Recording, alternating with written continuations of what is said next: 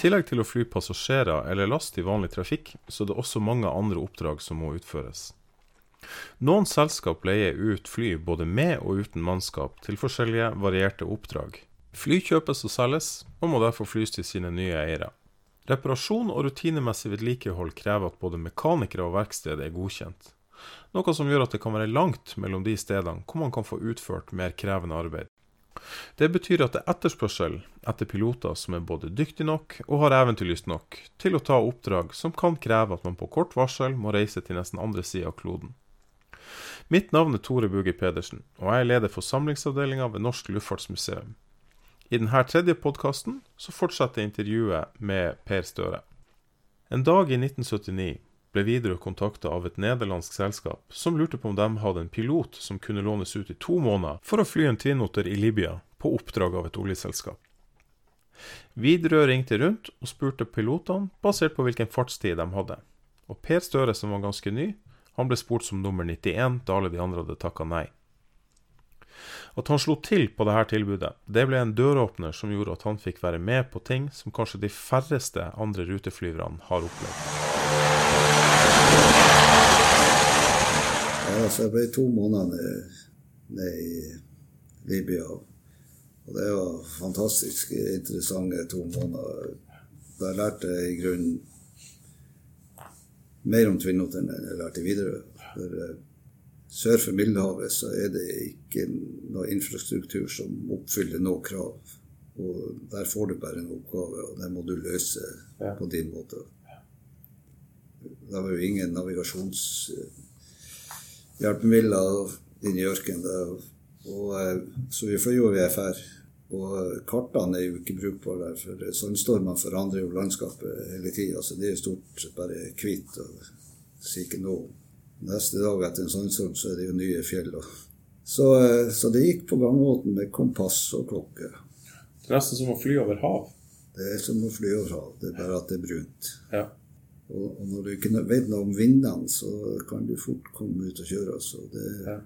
det fikk vi prøvd. Og eh, det var veldig lite fjul en gang når vi endelig fant hjem igjen. Men, eh, og da var det første gang jeg opplevde sandstorm, og det var jo helt ukjent. Og det var det for eh, eh, Saken var det at etter 14 dager så fikk jeg en ny kaptein, og det var direktøren i selskapet sjøl. Han, hadde forbeholdt seg retten til å fly eh, for å holde seg operativ. Han var en gammel, eh, erfaren kar som fløy både Super Constellation og Komet, firemotorsjet. og Ordentlig garva kar. Og eh, vi sitter her og flyr. Jeg merka jo at det var en kolossal avdrift. Så jeg skjønte jo at det var veldig mye vind. Og, og det er jo sånn at, at alt ser helt greit ut til vindhastigheten plutselig løfter sanda. Og det bare skjer sånn eh, på minutter, så så, vi ikke bakken lenger. Og eh, jeg begynte jo å kjenne presset. altså. For han var, det her var vel andre dagen han var på jobb, så han var helt ukjent. Så sier han bare kort og godt Gjør kontrolls. Du har vært der i 14 dager, du kan mye mer enn jeg om det her, så du får få oss hjem. Og da hadde jeg jo blitt kjent med det, det eneste hjelpemiddelet jeg hadde, var å følge rør, oljerørledningene som var gravd ned i sanda, for du så forhøyinga av røra. Og det er jo et helt nettverk av sånne oljerør. Og så fant jeg hovedlinja. Og så visste jeg at eh, ca. det der og der, og sånn ca. på tida hvor lang tid det tok til det krysset hvor den gikk ut til basen vår. Og så var vi jo helt, fløy helt ned på to-tre meters høyde for å greie å, å, å se. Og plutselig så ser jeg rør som går ut 90 grader til venstre, og klart så vidt å svinge inn og følge. Men så var problemet at eh, jeg visste ikke nøyaktig hvor langt det var inn til basen. Og der var jo et boretårn like uh, i enden av, av flyplassen. Så da, man måtte stoppe i tide for å ikke fly inn i det. Og så jeg, jeg bare to timer på stopklokka, sånn, som jeg trodde at det så lang tid skulle ta inn. Og, og hadde flaks, må jeg si. Det klaffa akkurat. For tida var ute.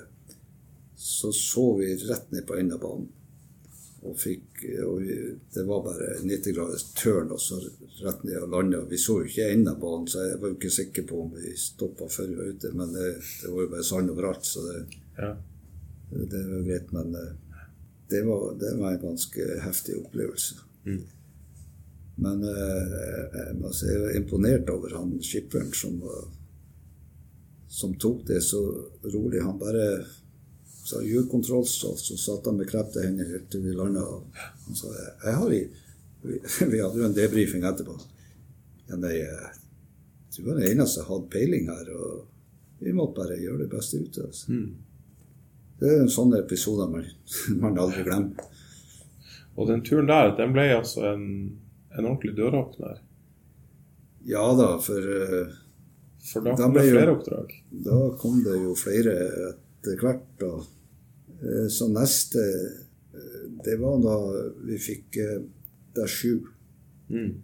Da var jeg akkurat ferdig med, med aspirantperioden for å bli kaptein i Widerøe på Tvinnot. Så fikk vi der sju, og så ble det, så ble det ikke noe opprøk, for da solgte vi jo et par Tvinnrotere istedenfor en sjuer. Og, og så kom det en forespørsel fra Grønland om å, å leie tre mann da.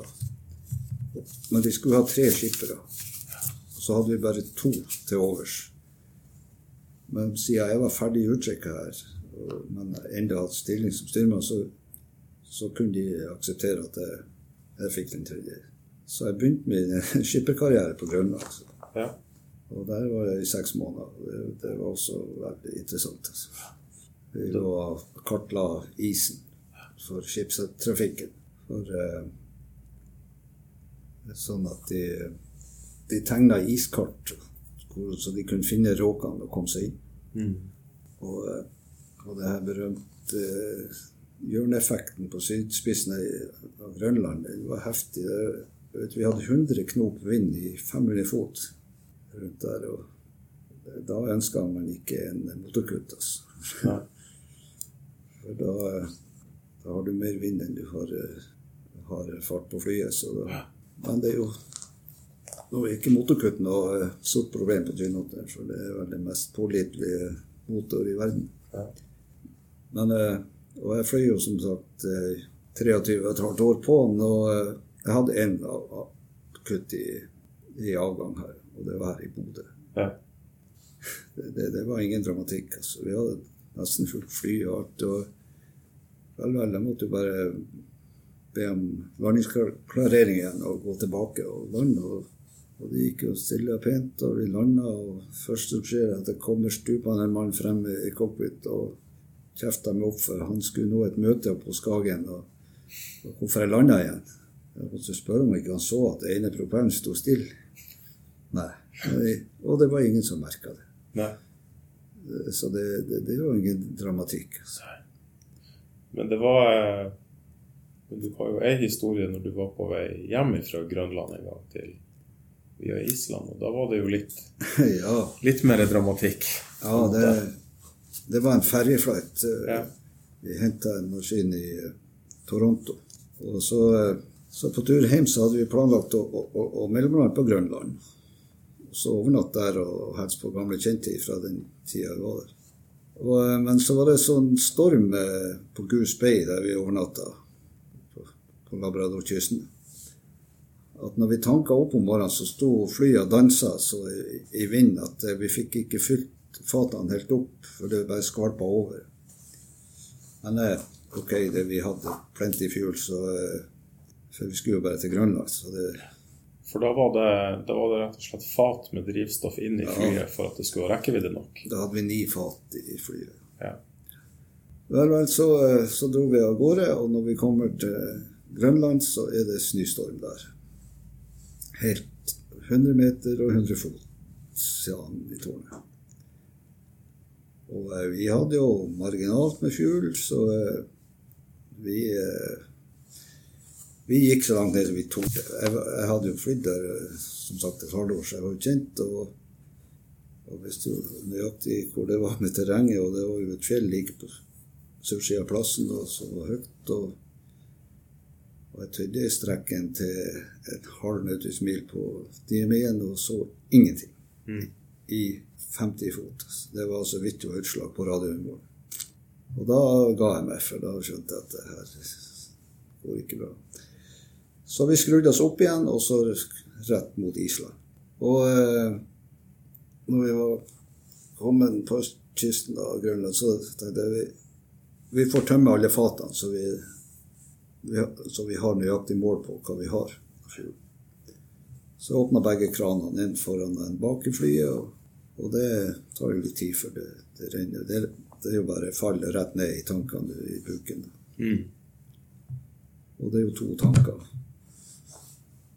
Og jeg sitter og ser på det her ja, fuelmålene. Det vil si, jeg blir veldig fokusert på ene, for uh, plutselig ser jeg at han, uh, han Han føder ikke lenger. Det. det var stopp. Det kom ikke mer fugl i den tanken. Og jeg ble helt fiksert på det der og begynte å regne i hodet. Hvor langt kommer vi? Jo, vi kommer en halvtime fra Island, og da er det slutt. Og jeg sa ikke noe. Han makkeren, han, han, han var helt stille. Han, og det viste seg han hadde oppdaga akkurat det samme, og fiksert på samme måten som meg. Det er rart med det psykologien. For plutselig så sier han bare klokka halv ti ramler vi ned. Det var nøyaktig det samme jeg kom til. Da har vi sittet og sett på og gjort akkurat samme feil. Vi har glemt av at det var en tanke til, og den var smekkfull. Pga. hellinga på flyet så rant alt i bakre tank. Ja. Vi så bare problemet med at det ikke kom deg for.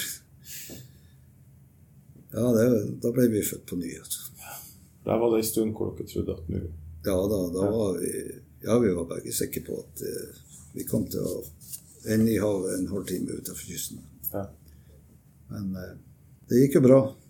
Vi var veldig snare å kalle opp eh, Keflavik og bestille hotell. Ja. da jeg, jeg parkerte, og, og, du vet, så fort jeg har fått på parkeringsbremsen, så, så var jo makkeren ute av flyet og vekk. Jeg fikk nå satt på propellerstroppet og gjort det klart og kom inn i hotellobbyen der. Vi parkerte rett ved inngangen på Loftleiderhotellet, heter det vel, Mm. i Røykjavik. Der satt han med fire pils på bordet. Da måtte vi ha en debrifing. Dere hadde jo eh, Du fortalte her tidligere at dere hadde snakka litt, tilfeldigvis vært innom det temaet før dere tok av. Ja da. Eh, det, det begynte jo litt eh, dårlig, for det at når vi sto i Toronto og klar for å dra, så får vi telefon fra videre at sorry, vi glemte å sende survival-kittet med dere. Med dinghy og det hele. Mm. Så eh, det hadde vi ikke. Vi hadde ikke engang vester. Men jeg hadde jo vært på Grønne halvår, og jeg har vært på sånn eh, survival-kurs der og greier, og, og visst hvor få minutter man overlever i vannet der, Mm. som har holdt pluss fire grader. Så jeg sa til, til skipperen at jeg har bare akademisk interesse å ha det her utstyret med. For går vi ned uti der, så er vi ferdig whatsoever. Mm. Og det var han enig i. Vi lever kun noen få minutter i vannet der, så det, og der, der var jo ingen rettskue. Så det Det var greit. Og, og ikke hadde vi eh, HF-radio heller, så det var dårlig med kommunikasjon. Så eh, det var nå det. Ja. Nei, men det, det var nå Det var nå bra at det var mer drivstoff i den andre tanken, da. Det var det. Det ble nok. Ja. Men ja, Dette var etterpåklok, men det, Ja. vi hadde jo aldri flyet sånne ferjeturer før. Og, og hadde ikke tenkt på den der at eh, den stillinga på flyet gjorde at det rant jo selvfølgelig til det laveste punktet. Og det var Men da lærte vi det. Og så har du jo eh, vært med på litt dramatikk når du har fløyet for Røde Kors også. Ja, det, det Det var jo i Angola. Ja. Det var jo eh, Det var jo også litt spesielt. Det ble, da ble jeg også forespurt. For, på grunn av de her turene jeg har vært ute før, så hadde jo folk hørt om det. Og det var liksom Det var ikke den som sa nei til, til, til nye eventyr. Så da ble jeg jo eh, forespurt om å fly til Angola. Hente fly i, i Sveits og fly til Angola og være der i to måneder for Røde Kors. Og det, det var jo eh, også eh, en del episoder som man husker.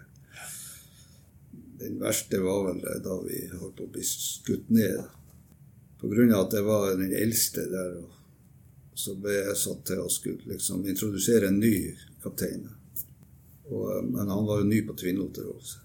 Så, eh, så vi hadde fløyet inn et Røde Kors-team da, og lossa det, og tatt om bord eh, En som var mine ja, var minesprenging, så han var blind.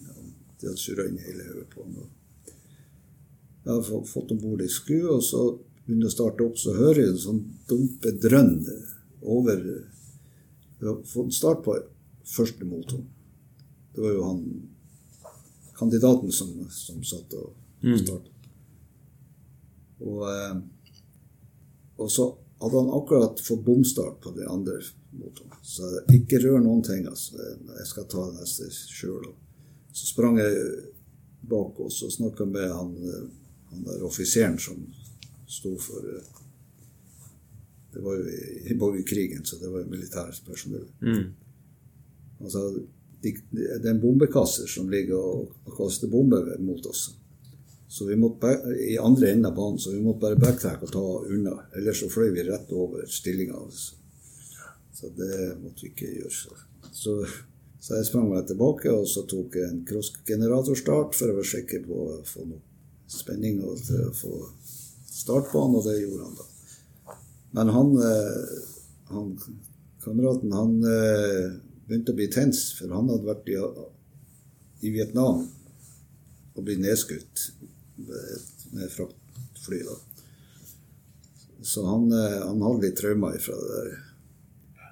Så han mista litt hodet der. da. Og vi backtracka så kort som mulig og så av. Og så, så begynner han å skjære av banen, og jeg måtte hive meg over og få tak i styrepinnen, for han, han, ble helt paralysert. Og idet jeg får tak i den og fikk retta opp flyet, så ser opp, så er det jo slutt på banen.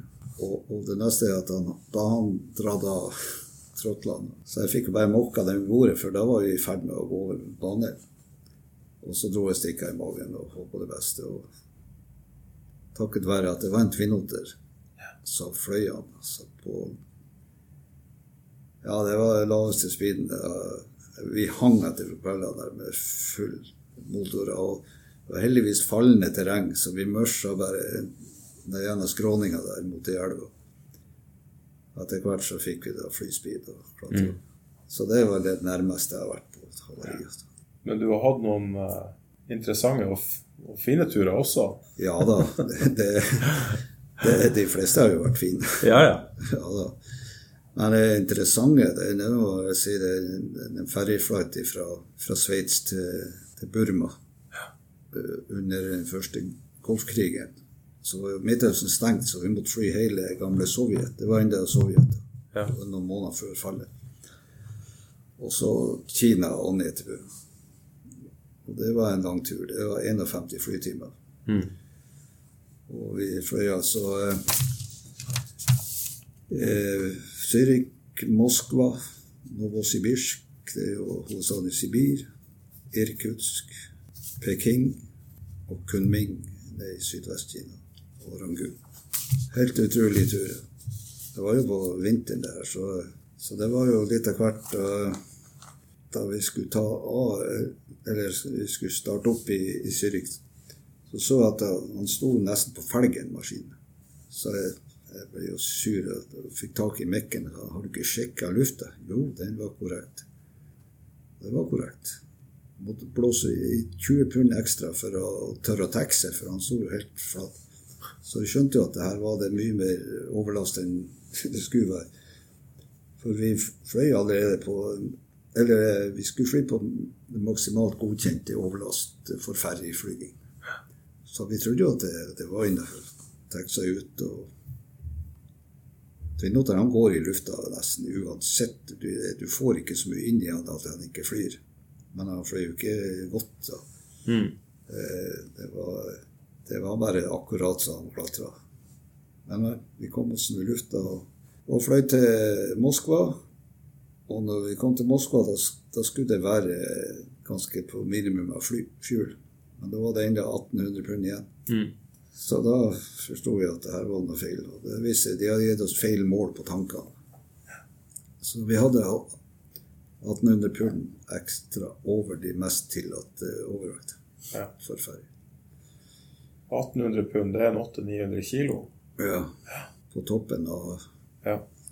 Av de tonnene vi hadde for mye fra før. Ja. Så, så det, men det, det, da fikk vi sett at Tvinnodden er i stand til å, løfte oss. Og da regna jeg fort ut at eh, de første fire timene da fløy vi enmotors. For eh, han ville ikke ha flydd i hele tatt på enmotor hvis vi fikk kutt. Mm. Men etter fire timer så ville vi ha vært ned på i vekt, så han kunne flydd på én.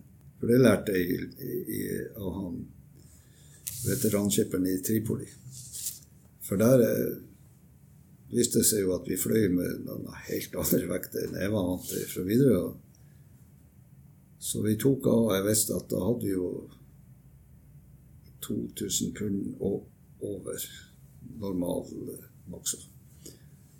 Så spør jeg sånn uskyldig at hva, hva, gjør vi hvis vi får en kutt nå? Og jeg glemmer aldri blikket han, han så på meg sa ikke et ord. Så var han bare oppe, og så fedra han ned motoren. Så fortsatte han å fly. Da spurte ikke noe mer. Så han visste at flyet fløy med så mye på én motor. Mm. Og da sa han at nei, jeg har et prinsipp at flyr en tomotorsmaskin, så skal jeg vite at han flyr på én motor.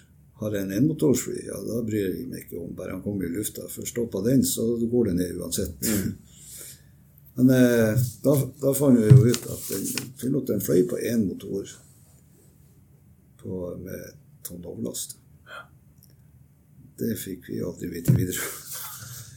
Og det var kanskje like bra.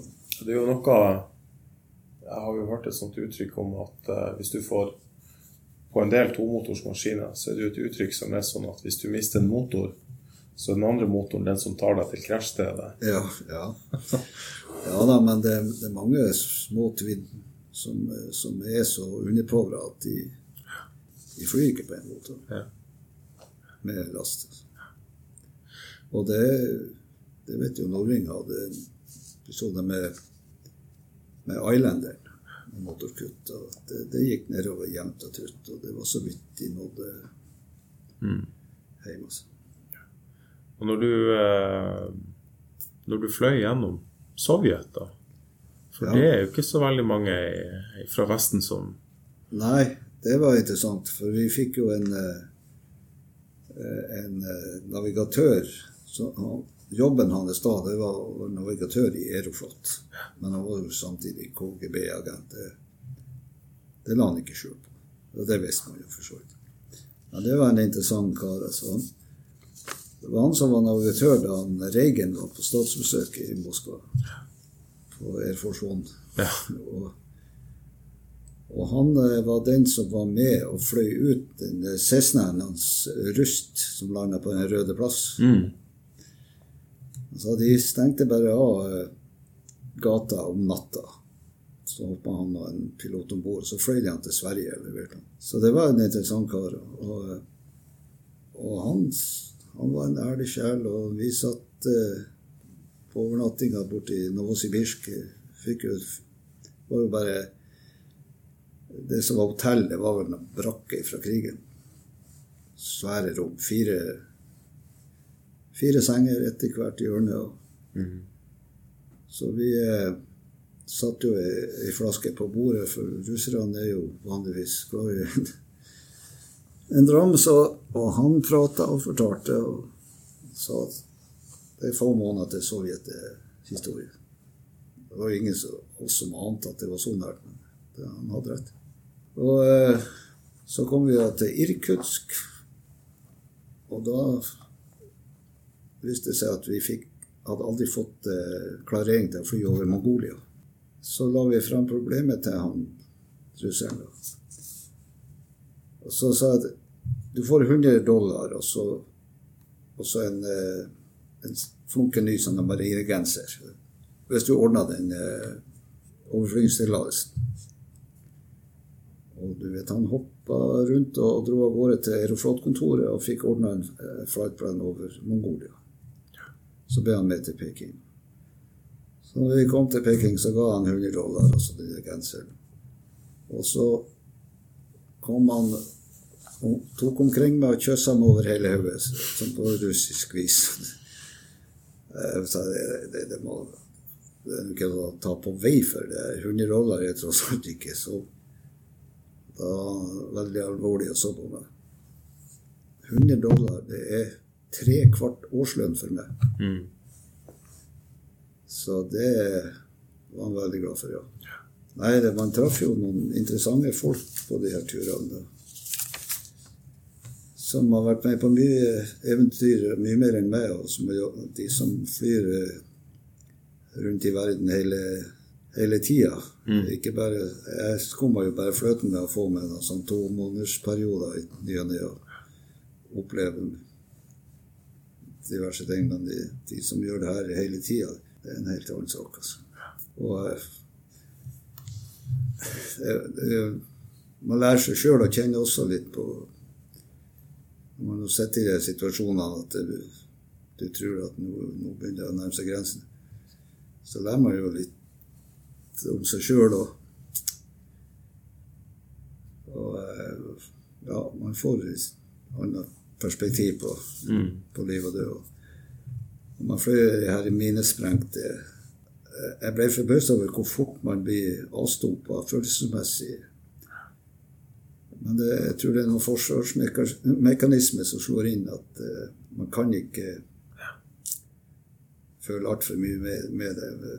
Så det ble til at man så på det som frakt. Og, og du vet, de, noen de var, hadde så mye koldbrann og greier, og det, det lukta jo forferdelig Råttent kjøtt er ikke noe god lukt. Altså.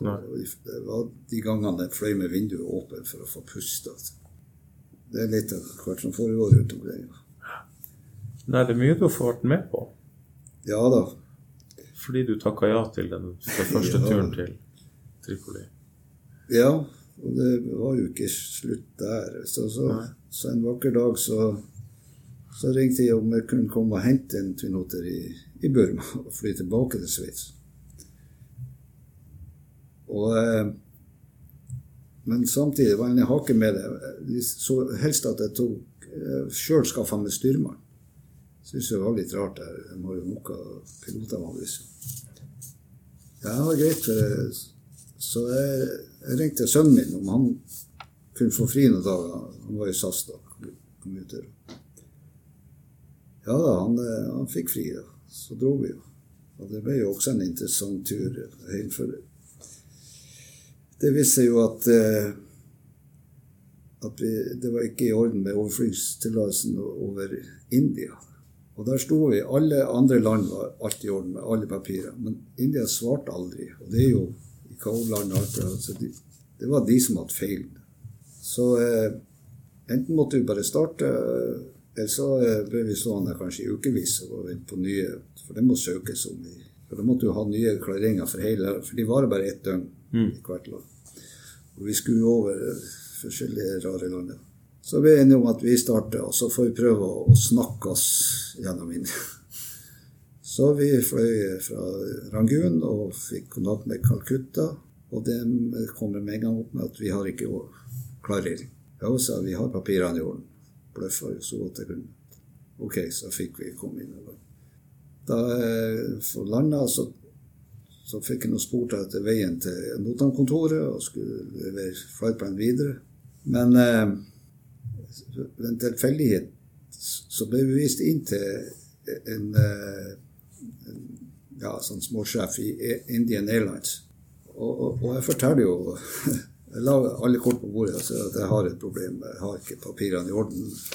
Noe som ikke er min feil, men det er noe myndighetene har rota til.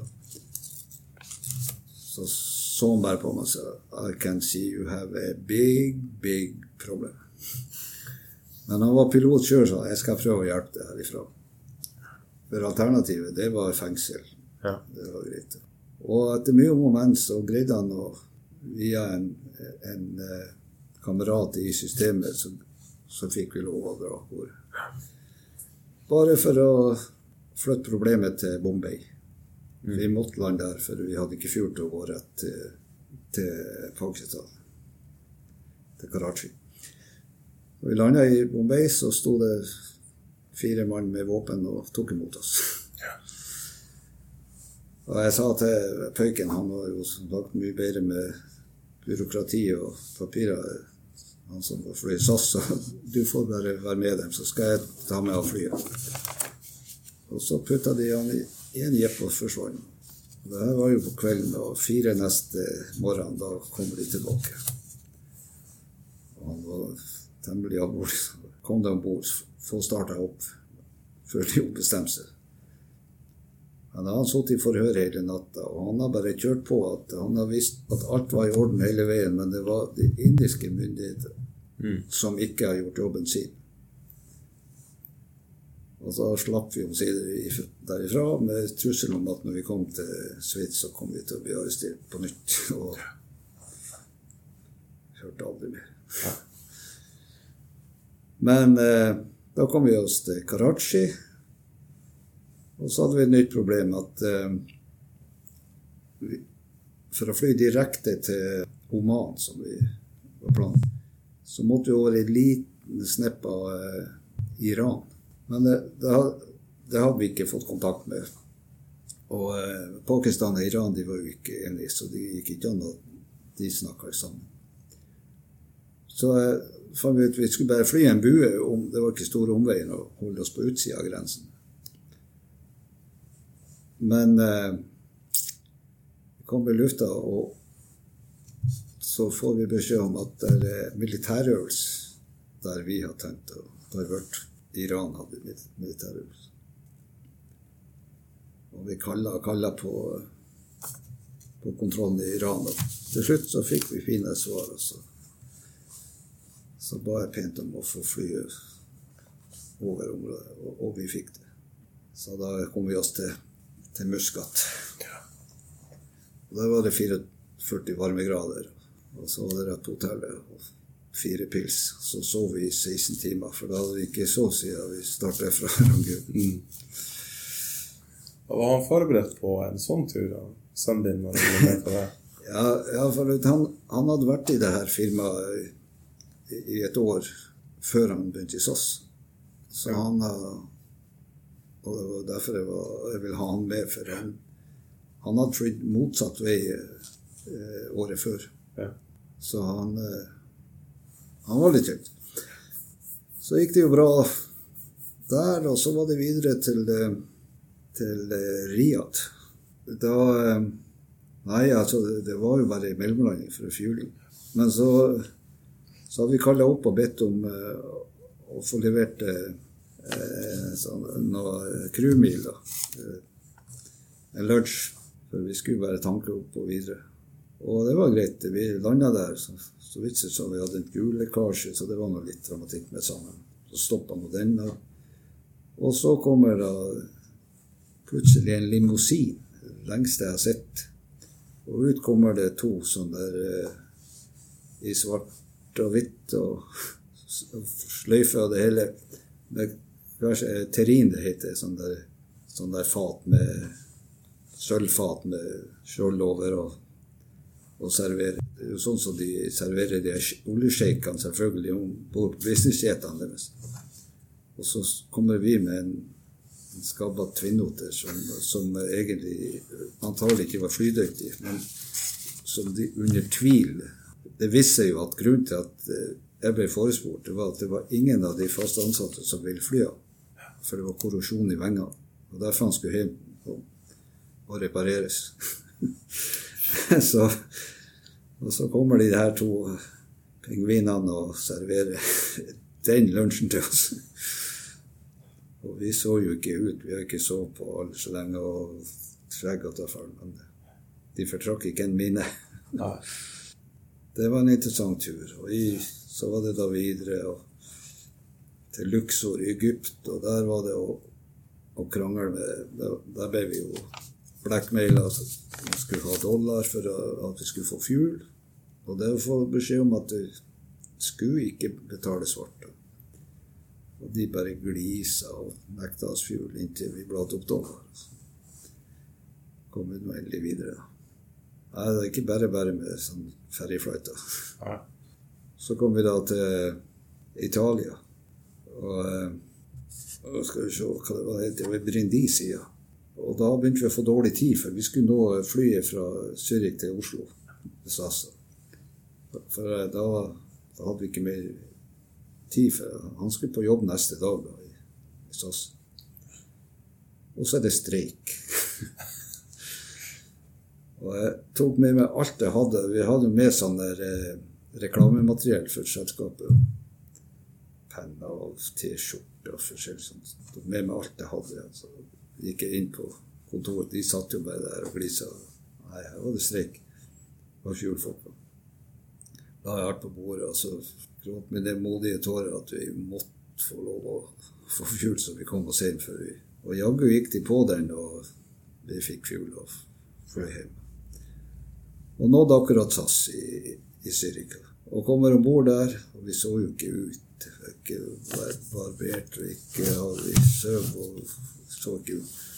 Satt oss bak i de flyet. Og, og eh, så ei av vertinnene, det var kona til en eh, kollega i Widerøe som kjente oss igjen, kom bort og lurte på hva i all verden vi har vært utsatt for, sånn som vi så ut.